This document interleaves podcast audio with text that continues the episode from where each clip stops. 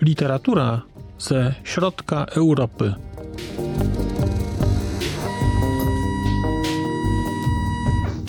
Podcast około książkowy.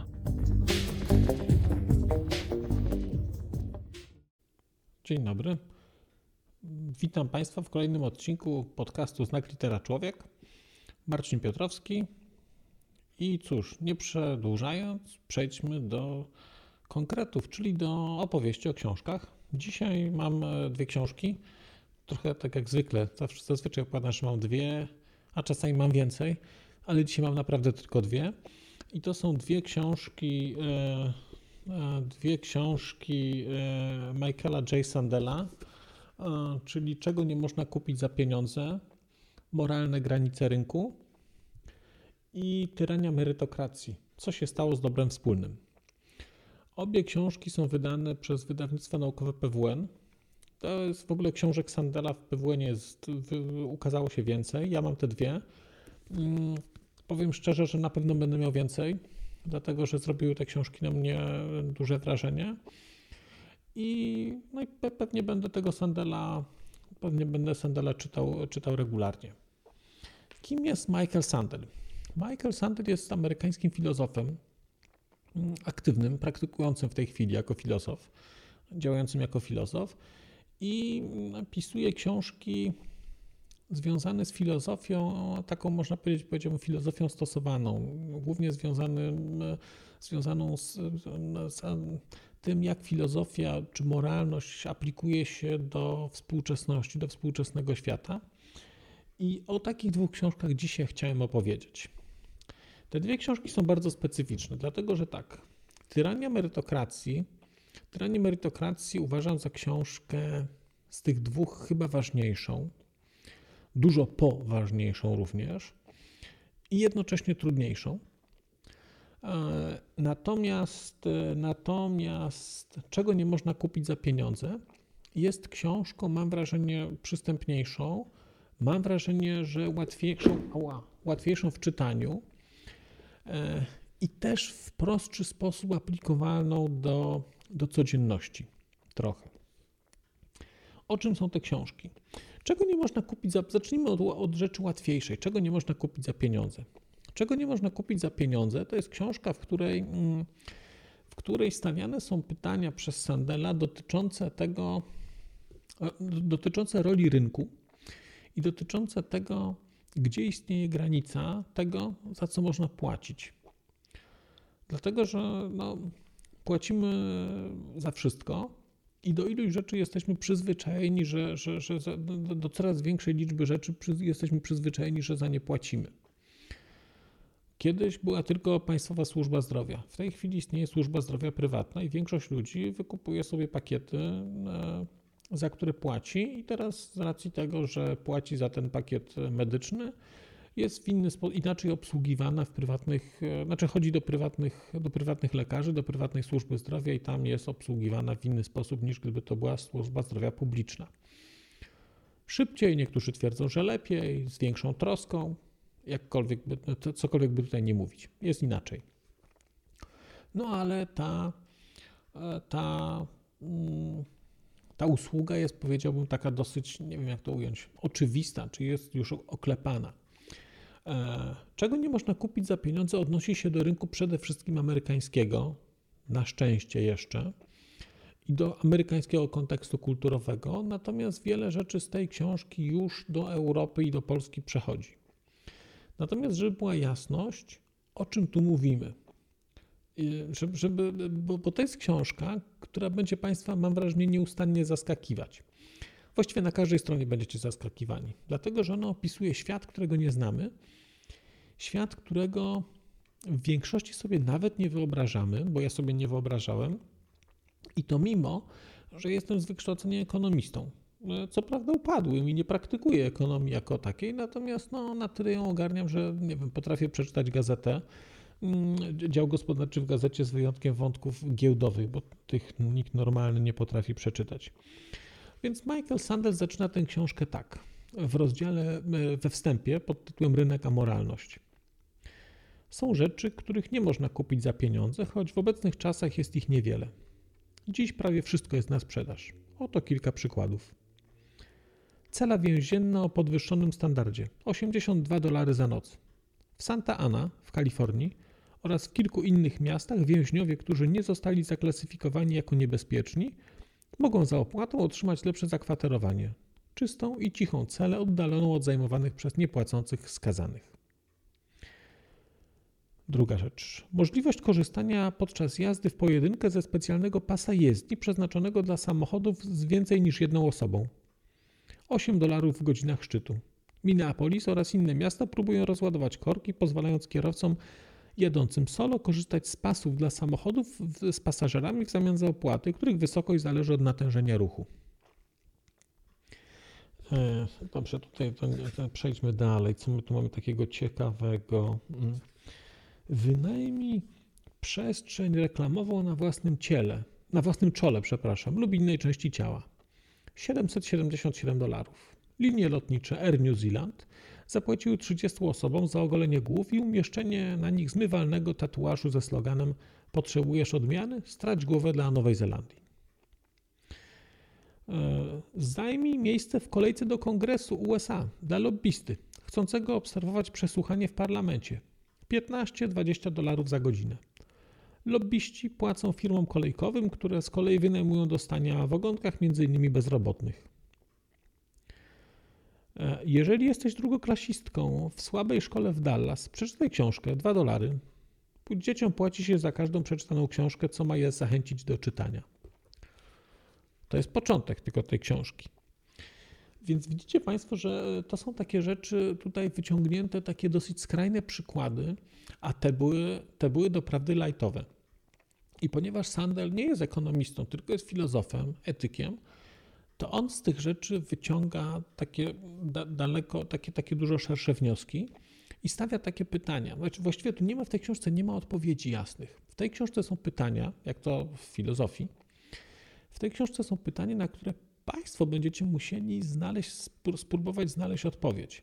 Dlatego, że Sandel wyraźnie gdzieś zajmuje stanowisko i mówi, że te rzeczy są niedobre, to, czy że nie powinny, nie powinny funkcjonować w takiej formie. Natomiast no to jest jego stanowisko. Państwo możecie mieć na ten temat inne zdanie. Ciekawe jest czytanie tej książki, zastanawianie się, jak funkcjonuje społeczeństwo, na jakich zasadach funkcjonuje społeczeństwo, które, które tego typu rozwiązania wprowadza i dla którego tego typu rozwiązania są fundamentem funkcjonowania dlatego że, dlatego, że te, te, te przykłady były lajtowe, które w tej chwili Państwu podałem. Ale co powiecie Państwo na, na taki przykład, który, który przeczytam Państwu jeszcze teraz chwilkę, dlatego że to jest rozdział czwarty. Rynki życia i śmierci. Michael Rice, 48-letni zastępca kierownika oddziału Walmartu w Tilton, New Hampshire, Pomagał klientce zanieść telewizor do samochodu, gdy nagle dostał ataku serca i upadł. Umarł tydzień później. Ubezpieczyciel wypłacił z jego polisy za życie 300 tysięcy dolarów odszkodowania. Ale nie jemu, nie jego żonie i dwójce dzieci. Pieniądze poszły do Walmartu, który wykupił polisę na życie Rice'a i wyznaczył siebie jako podmiot uposażony. Kiedy wdowa dowiedziała się o tym darze niebios, w cudzysłowie, od, dla Walmartu, była oburzona. Dlaczego firma miałaby czerpać zyski ze śmierci jej męża? Pracował całymi dniami, niekiedy 80 godzin tygodniowo. Strasznie Majka wykorzystywali, powiedziała, a potem po prostu zgarniają 300 tysięcy dolarów? To niemoralne. Według pani Rice ani ona, ani jej mąż nie mieli pojęcia, że Walmart wykupił polisę ubezpieczeniową na jego życie. Kiedy dowiedziała się o niej, wytoczyła Walmartowi sprawę w sądzie federalnym, twierdząc, że pieniądze powinny trafić do rodziny, a nie do firmy. Jej adwokat argumentował, że korporacje nie powinny mieć możliwości czerpania zysków ze śmierci swoich pracowników. Rzecznik prasowy Walmartu przyznał, że firma posiada polisy ubezpieczeniowe setek tysięcy swoich pracowników, nie tylko zastępców kierownika, ale nawet pracowników fizycznych. Jednak zaprzeczył, jakoby w rezultacie firma zarabiała na śmierci. Uważamy, że nie czerpaliśmy korzyści ze śmierci swoich współpracowników, powiedział. Dużo zainwestowaliśmy w tych pracowników, a firma wychodzi na swoje pod warunkiem ich dalszego życia. W przypadku Michaela Rice'a, dowodził rzecznik, wypłata odszkodowania nie była zarobkiem, ale rekompensatą za koszty szkolenia i obecnie zatrudnienie nowej osoby na jego miejsce. Uczestniczył w wielu szkoleniach i zdobył doświadczenie, którego nie da się teraz zastąpić bez dodatkowych kosztów. I okazuje się, proszę Państwa, że w Stanach to jest dosyć popularne w ogóle zjawisko. Mm, nazywa się to, nazywa się to, mm, to są ubezpieczenia typu COLI, czyli Corporate Owned Life Insurance, czyli ubezpieczenia na życie, których właścicielami są korporacje. Wśród firm, mm, czyli to są, stworzyło to wielomiliardowy rynek terminowych transakcji futures, których przedmiotem jest śmierć. Wśród firm, które wykupiły pracownikom ubezpieczenia były AT&T, Dow Chemicals, Nestle USA, Procter Gamble, Walmart, Walt Disney oraz sieć supermarketów e, Win Dixie. Tym, co zachęcało firmy do tej makabrycznej formy inwestowania, były korzyści podatkowe. Podobnie jak w przypadku tradycyjnych polis na życie, wypłaty zadośćuczynienia za śmierć pracownika były zwolnione od podatku, tak samo jak roczny dochód z inwestycji które owe polisy generowały. Niewielu pracowników zdawało sobie sprawę, że firmy wyznaczyły ceny za ich głowę. Większość, większość państw nie zobowiązywała przedsiębiorstw do informowania pracowników o fakcie wykupu ubezpieczenia na ich życie, ani uzyskania na to zgody. W dodatku większość polis typu COLI zachowywała ważność nawet wówczas, gdy pracownik sam odszedł, został zwolniony albo przeszedł na emeryturę. Tak więc korporacje miały prawo odebrać świadczenia pośmiertne po osobach, które opuściły firmę wiele lat wcześniej. Firmy śledziły umieralność swoich pracowni byłych pracowników za pośrednictwem Państwowego Biura Ubezpieczeń Społecznych. Michael Sandel. Czego nie można kupić za pieniądze? To jest jedna z takich opowieści, która tutaj jest. Tych opowieści jest dużo. No i, i, i mówię, te, te opowieści będą Państwa z jednej strony one będą śmieszne, z drugiej strony będą chyba przerażające dosyć. Takie mam wrażenie. Mm, no bo okazuje się, że e, można tak, można wynająć przyjaciół, można kupić przeprosiny, mm, mm, można oczywiście licytować przyjęcia na studia, e, można odbierać za pieniądze dzieci z przedszkola. Co tu jest jeszcze? E, można, oczywiście rynek prognozowania terroryzmu funkcjonuje. E, można obligacje na śmieci są. E, cały wątek dotyczący w ogóle sportu i tego, e, że na przykład wydarzenia sportowe w Stanach chociażby są całe obrędowane, czyli nie wiem, w tym baseballu, czy jak ktoś tam nazywa, tam poszczególne te home runy i tak dalej mają swoje nazwy, co oznacza, że sprawozdawca musi je, musi je, musi je wypowiadać. Mm, y, no, jest tutaj tego, tego, tego mnóstwo.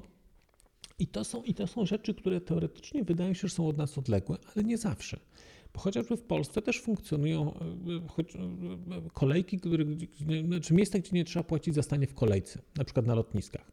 Można zapłacić, wtedy przejść bez. I teraz pytanie, co, no, czy to jest etyczne, czy to nie jest etyczne? E, linie lotnicze twierdzą, że jest to etyczne, bo jest to udoskona- jakieś u, u, ułatwienie w wejściu na pokład samolotu. Przechodzi się te same rzeczy, ale szybciej. Z drugiej strony, jak tak sobie myślę, że stoi się w wesołym miasteczku i przychodzi ktoś z boku, z dzieciakami się stoi, ktoś mówi, że jest zapłacony, to nie wiem, to, to powiedziałbym, że to jest skrajnie nieetyczne, bo jednak te dzieci do, dostają taki komunikat, a nie inny. Mówię, bardzo Państwu tę książkę polecam. Jest bardzo e, zgrabnie napisana i myślę, że to jest taka książka z gatunku, mówię, takich, gdzie będziecie się Państwo dziwić światu. Mm, jednocześnie ona ma też, e, ona też buduje pewnego rodzaju wrażliwość, więc jeżeli, i, i co istotne, nie trzeba być ekonomistą, żeby czytać tę książkę. To jest książka, która, mm, która wydaje mi się dla każdego będzie poruszająca w jakimś tam stopniu i, ka i, każdy będzie sobie w stanie odpowiedzieć na te pytania, dlatego że mówię, nie trzeba być specjalistą, żeby się e, w, w tych pytaniach odnaleźć. E, I, e, i, I, trochę zobaczyć, złapać takiego kontekstu, w jakim kierunku zmierza świat, w którym funkcjonujemy i czy na pewno chcemy w takim świecie żyć, że wszystko będzie można kupić. I elementem tej książki, jednym z elementów tej książki jest wątek kupowania, kupowania miejsc na studia. I to jest wątek, który jest głównym wątkiem tej książki. Książki Tyrania Merytokracji, która jest książką z gatunku takich, które, które zmieniają punkt widzenia, a przynajmniej radyk- sprawiają, że zmuszają do radykalnego przemyślenia wielu swoich poglądów. Kiedy wziąłem tę książkę do ręki po raz pierwszy, to spojrzałem na tytuł i powiedziałem sobie, tyrania merytokracji? Nie, no ale przecież merytokracja to chyba nie może być tyranii, meryto, ty, ty, merytokracji. Jak to tyrania? Ja w ogóle jako jakoś tam osoba, w, w, nie wiem, jakoś nierewelacyjnie, ale tak w, w miarę normalnie wykształcona, uważam, że uważam merytokrację za bardzo sprawiedliwy ustrój przecież. No, w sumie, jak tak się zastanowimy, cóż może być bardziej uczciwego niż, niż, niż przekonanie, że człowiek jest wynagradzany adekwatnie do swoich umiejętności i jeżeli umie więcej, no, to po prostu, jeżeli, jeżeli jest lepszym pracownikiem, to zarabia więcej. I to jest niesamowite, dla mnie było, jak bardzo to myślenie jest myśleniem oceniającym jak bardzo ono jest niesprawiedliwe. E, ta książka, książka Tyrania Merytokracji e, e, w podtytule Co się stało z dobrem wspólnym jest ogromnym oskarżeniem wobec, wobec mechanizmów merytokratycznych funkcjonujących obecnie i stawia bardzo niewygodne pytania. One, te, te pytania są niewygodne o tyle, że one będą Państwa doprowadzać, próba do odpowiedzi na te pytania będzie Państwa doprowadzała do paradoksów. E, gdyż nagle znajdziecie się w sytuacji, w której uznacie, że lepsze jest społeczeństwo klasowe, klasyczne społeczeństwo klasowe, czy, czy społeczeństwo, gdzie funkcjonuje arystokracja, mm, niż społeczeństwo merytokratyczne, nie chcę Państwu streszczać, opowiadać dlaczego, no, bo, bo to trzeba sobie w tej książce przeczytać, trzeba przejść ten proces myślowy. Natomiast jest to książka zdecydowanie trudniejsza, dlatego że są tam oczywiście całe takie fragmenty pokazujące rozwój tego zjawiska merytokracji, które nie jest wcale takie stare, w szczególności tej merytokracji amerykańskiej, która ma tam kilkadziesiąt lat idea zjawiska, którą, e, która, mm, czy, czy idee merytokracji pierwsze to są stworzone przez Tomasza Jeffersona i cały taki w sumie szczyt, to, to jest niesamowite. Ta książka pokazuje dewaluację fantastycznego pomysłu. A fa fantastyczny pomysł był taki, skoro tworzymy nowy kraj, tworzymy Amerykę, to sprawmy, żeby wszyscy mieli, żebyśmy wyławiali tych, tych najlepszych, żeby ci najlepsi dostawali najlepszą edukację, żeby nie było tak, że ktoś ma ograniczony dostęp do tej edukacji. Na końcu doprowadziło to do całkowitego wypaczenia pewnej idei, ale to na końcu. Pytanie, co było na początku. Pytanie, czy, czy w sumie jest rozsądne i czy w sumie jest sprawiedliwe wyłapywanie najlepszych po to, żeby oni się na przykład w darmowy sposób uczyli. Teoretycznie tak. W praktyce no wyłapiemy najlepszych. A co z tymi, którzy, których, e, których Thomas Jefferson określa mianem śmieci? Co jeżeli e, przejrzymy śmietnik, tam jest do, do, dokładnie taki zwrot. Co jeżeli przesiejemy śmieci i znajdziemy tych najlepszych? Co z tymi śmieciami? Jak mają czuć się śmieci, jeżeli wiedzą, że mm, jeżeli wiedzą, że no, są śmieciami, bo nie, nie zostali wybrani dalej, nie przeszli testu, nie awansowali do, do, do wyższej ligi. Niesamowicie trudne pytanie zadaje ta książka. To jest książka, która, która stawia co najmniej kilka takich pytań.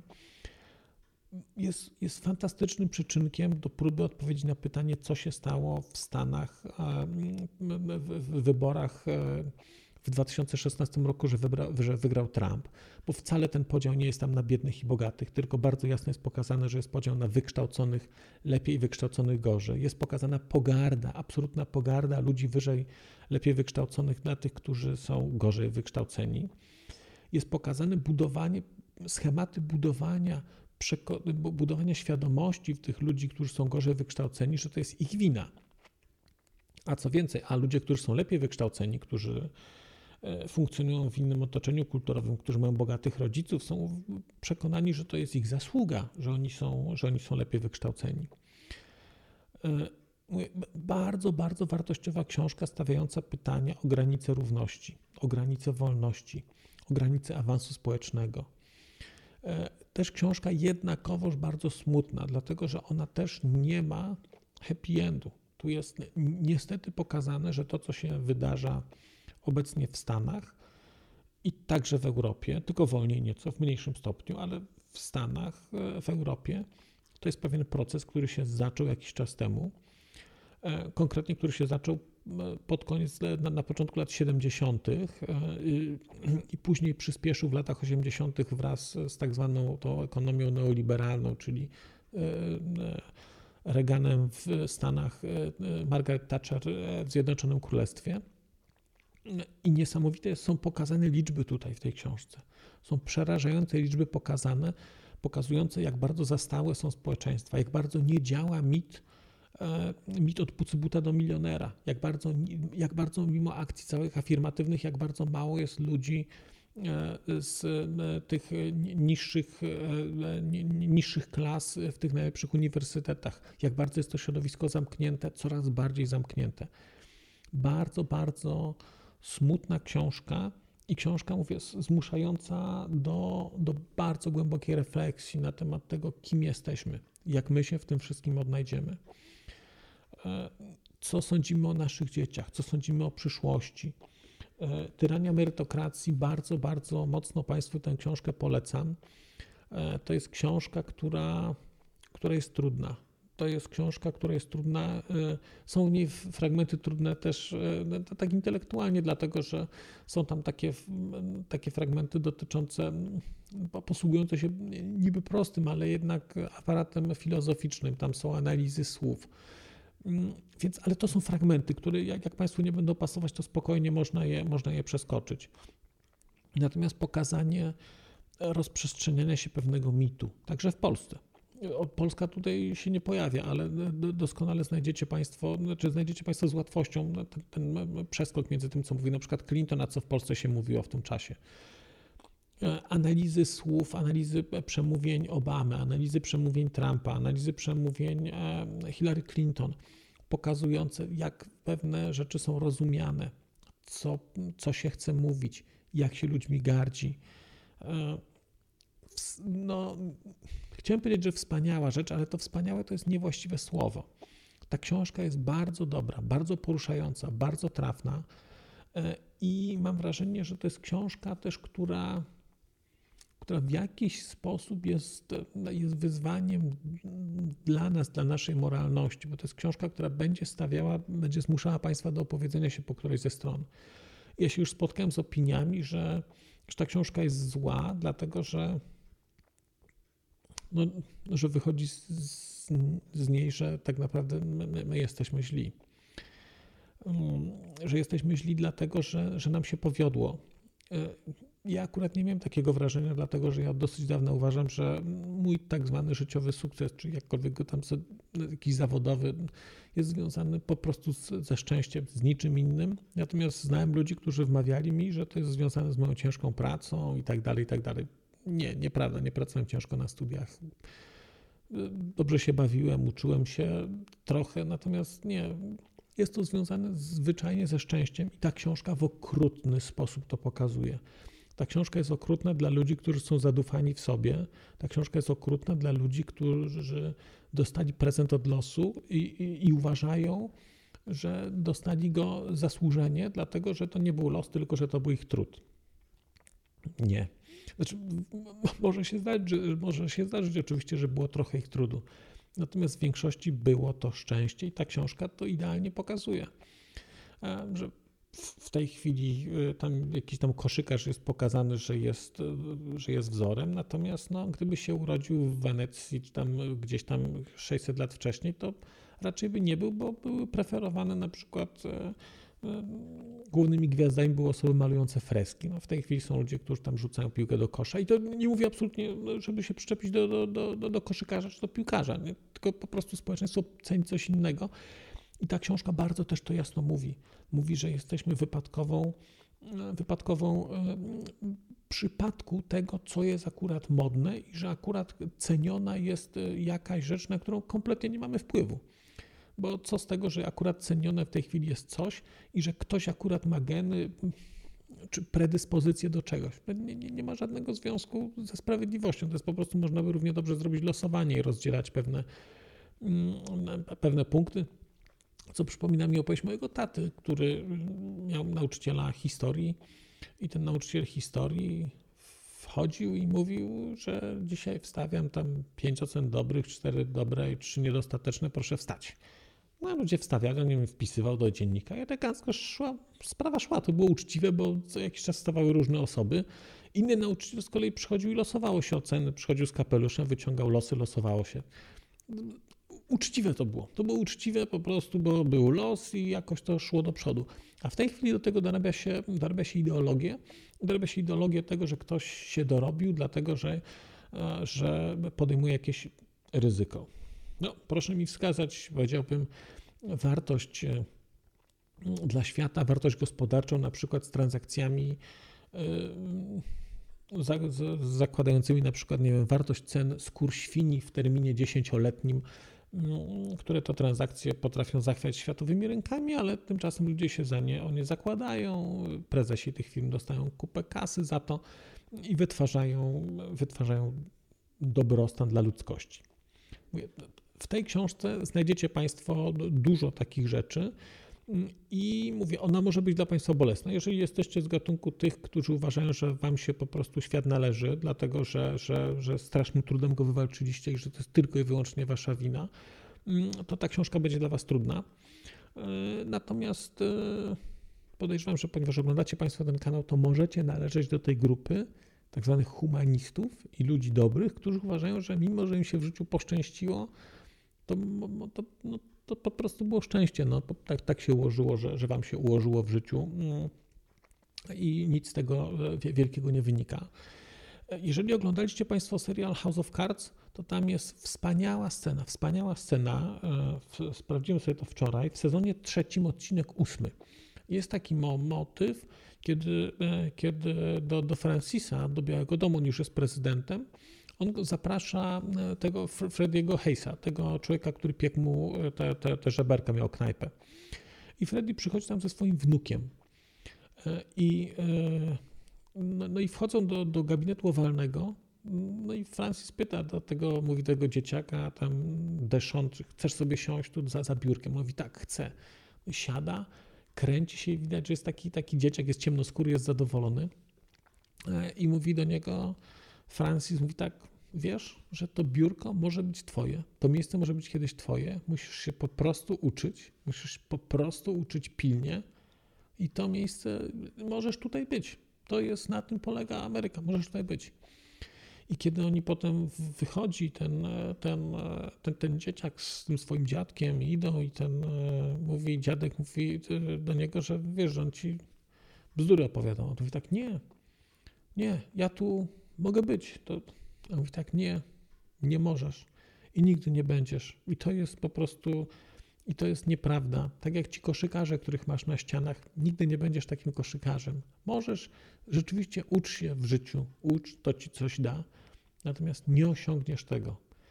I to jest, i, i to jest, i to jest ta opowieść. I to jest opowieść o tym, o merytokracji to jest opowieść o kredencjalizmie, czyli o takim przekonaniu, że, że, że, że, że można wymienić edukację na, na wszystko, że tak naprawdę edukacja e, na, na, nas określa. To jest opowieść o, o mobilności społecznej Mówię, znakomita, znakomita książka, będąca bardzo dobrym uzupełnieniem. Jeżeli Państwo słuchaliście mojej poprzedniej audycji, to to jest książka, która jest bardzo dobrym uzupełnieniem do książki Tajbiego, dlatego że Tajbi pokazuje e, w swojej książce, czyli w Nienawiści, pokazuje takie zjawisko porzucania przez partię demokratyczną swojego pierwotnego elektoratu, czyli takiego elektoratu e, ludzi ludzi z średnim wykształceniem albo z niskim wykształceniem, czyli takiego elektoratu rolniczo-robotniczego i przenoszenie preferencji Partii Demokratycznej na ludzi właśnie lepiej wykształconych, na te, te takie tak zwane, nazwijmy to quasi-elity. I oni się tam przenoszą, zostawiają jednocześnie na, na, na dole tych ludzi, którymi już się nikt nie interesuje, te, te, te klasy pracujące, które później klasy pracujące odnajduje Trump. I Trump potrafi im dać, dać receptę, mówić im, że zobaczcie, jak oni was oszukują. Zobaczcie, nie ma żadnego awansu. On im mówi czystą prawdę. On im mówi czystą prawdę. Tu jest też w ogóle fantastyczne, fantastycznie pokazana, nie wiem jak to powiedzieć, przepowiednia. E, to nie jest przepowiednia, to jest książka naukowa z 58 roku, którą napisał taki angielski uczony. I on e, za, z, opisuje rozwój idei merytokratycznej, czyli widzi zjawiska, które już się zaczęły toczyć w Stanach i, i w Zjednoczonym Królestwie, i opisuje rozwój idei merytokratycznej i pokazuje, e, w jaki sposób dojdzie do buntu elit, do, do, do buntu ludzi przeciwko elitom, do buntu normalnych ludzi. I on ten bunt opisał, na, założył, że on nastąpi w roku 2034. Pomylił się o ile 20 lat. E, gdyż dokładnie to zjawisko, czyli bunt ludzi gorzej wykształconych przeciwko tym lepiej wykształconym, e, bunt większości przeciwko mniejszości, która ich do jakiegoś stopnia można powiedzieć ciemięży, która ich upadla, która nimi gardzi, e, to jest sytuacja, która wydarzyła się w 2016 roku w wyborach, wyborach w Stanach to ktoś przewidział, to jest to szczegółowo opisane, cały ten proces jest opisany, e, ktoś to przewidział w roku 1958. Analiz, patrząc na system i wyciągając konkretne wnioski, co się dalej wydarzy. Mówię, bardzo, bardzo Państwu polecam tyranie merytokracji, trudniejsze, e, trudniejsze, ale bardziej, bardziej wyzywające bardziej wyzwalające i jednocześnie wydaje mi się du, dużo więcej dające tak, tak na, na, na, przyszłość trochę, żeby sobie pomyśleć, jak macie dzieci, co to znaczy wysłać dzieci na studia, po co wysłać dzieci na studia i tak dalej. E, z drugiej strony Sandel, czego nie można kupić za pieniądze, super uzupełnienie tamtego, super spojrzenie w ogóle na współczesną gospodarkę, pseudo, nie wiem jak to powiedzieć, pseudogospodarkę, czy jakieś wy, wyuzdane formy gospodarcze, nie wiem jak to ująć, natomiast, natomiast e, bardzo, bardzo ciekawe. Więc te dwie rzeczy miałem dzisiaj dla Państwa. E, bardzo dziękuję za posłuchanie. Zachęcam do, do czytania, zachęcam do, do komentowania. A ja zobaczę się z Państwem za dni kilka i będzie to odcinek o Józefie Szkworeckim i po prostu nie mogę się doczekać, aż ten odcinek dla Państwa przygotuję.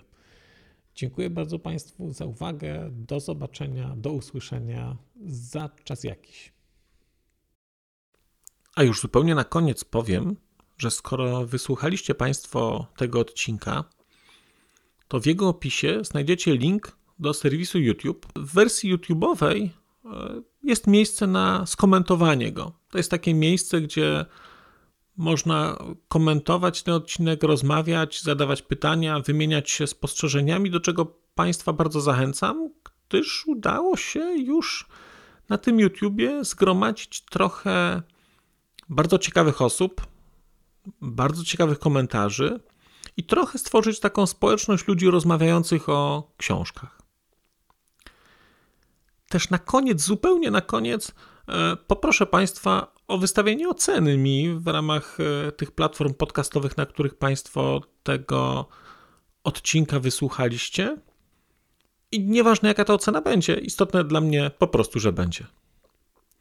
Tymczasem się żegnam już naprawdę i do usłyszenia za czas jakiś.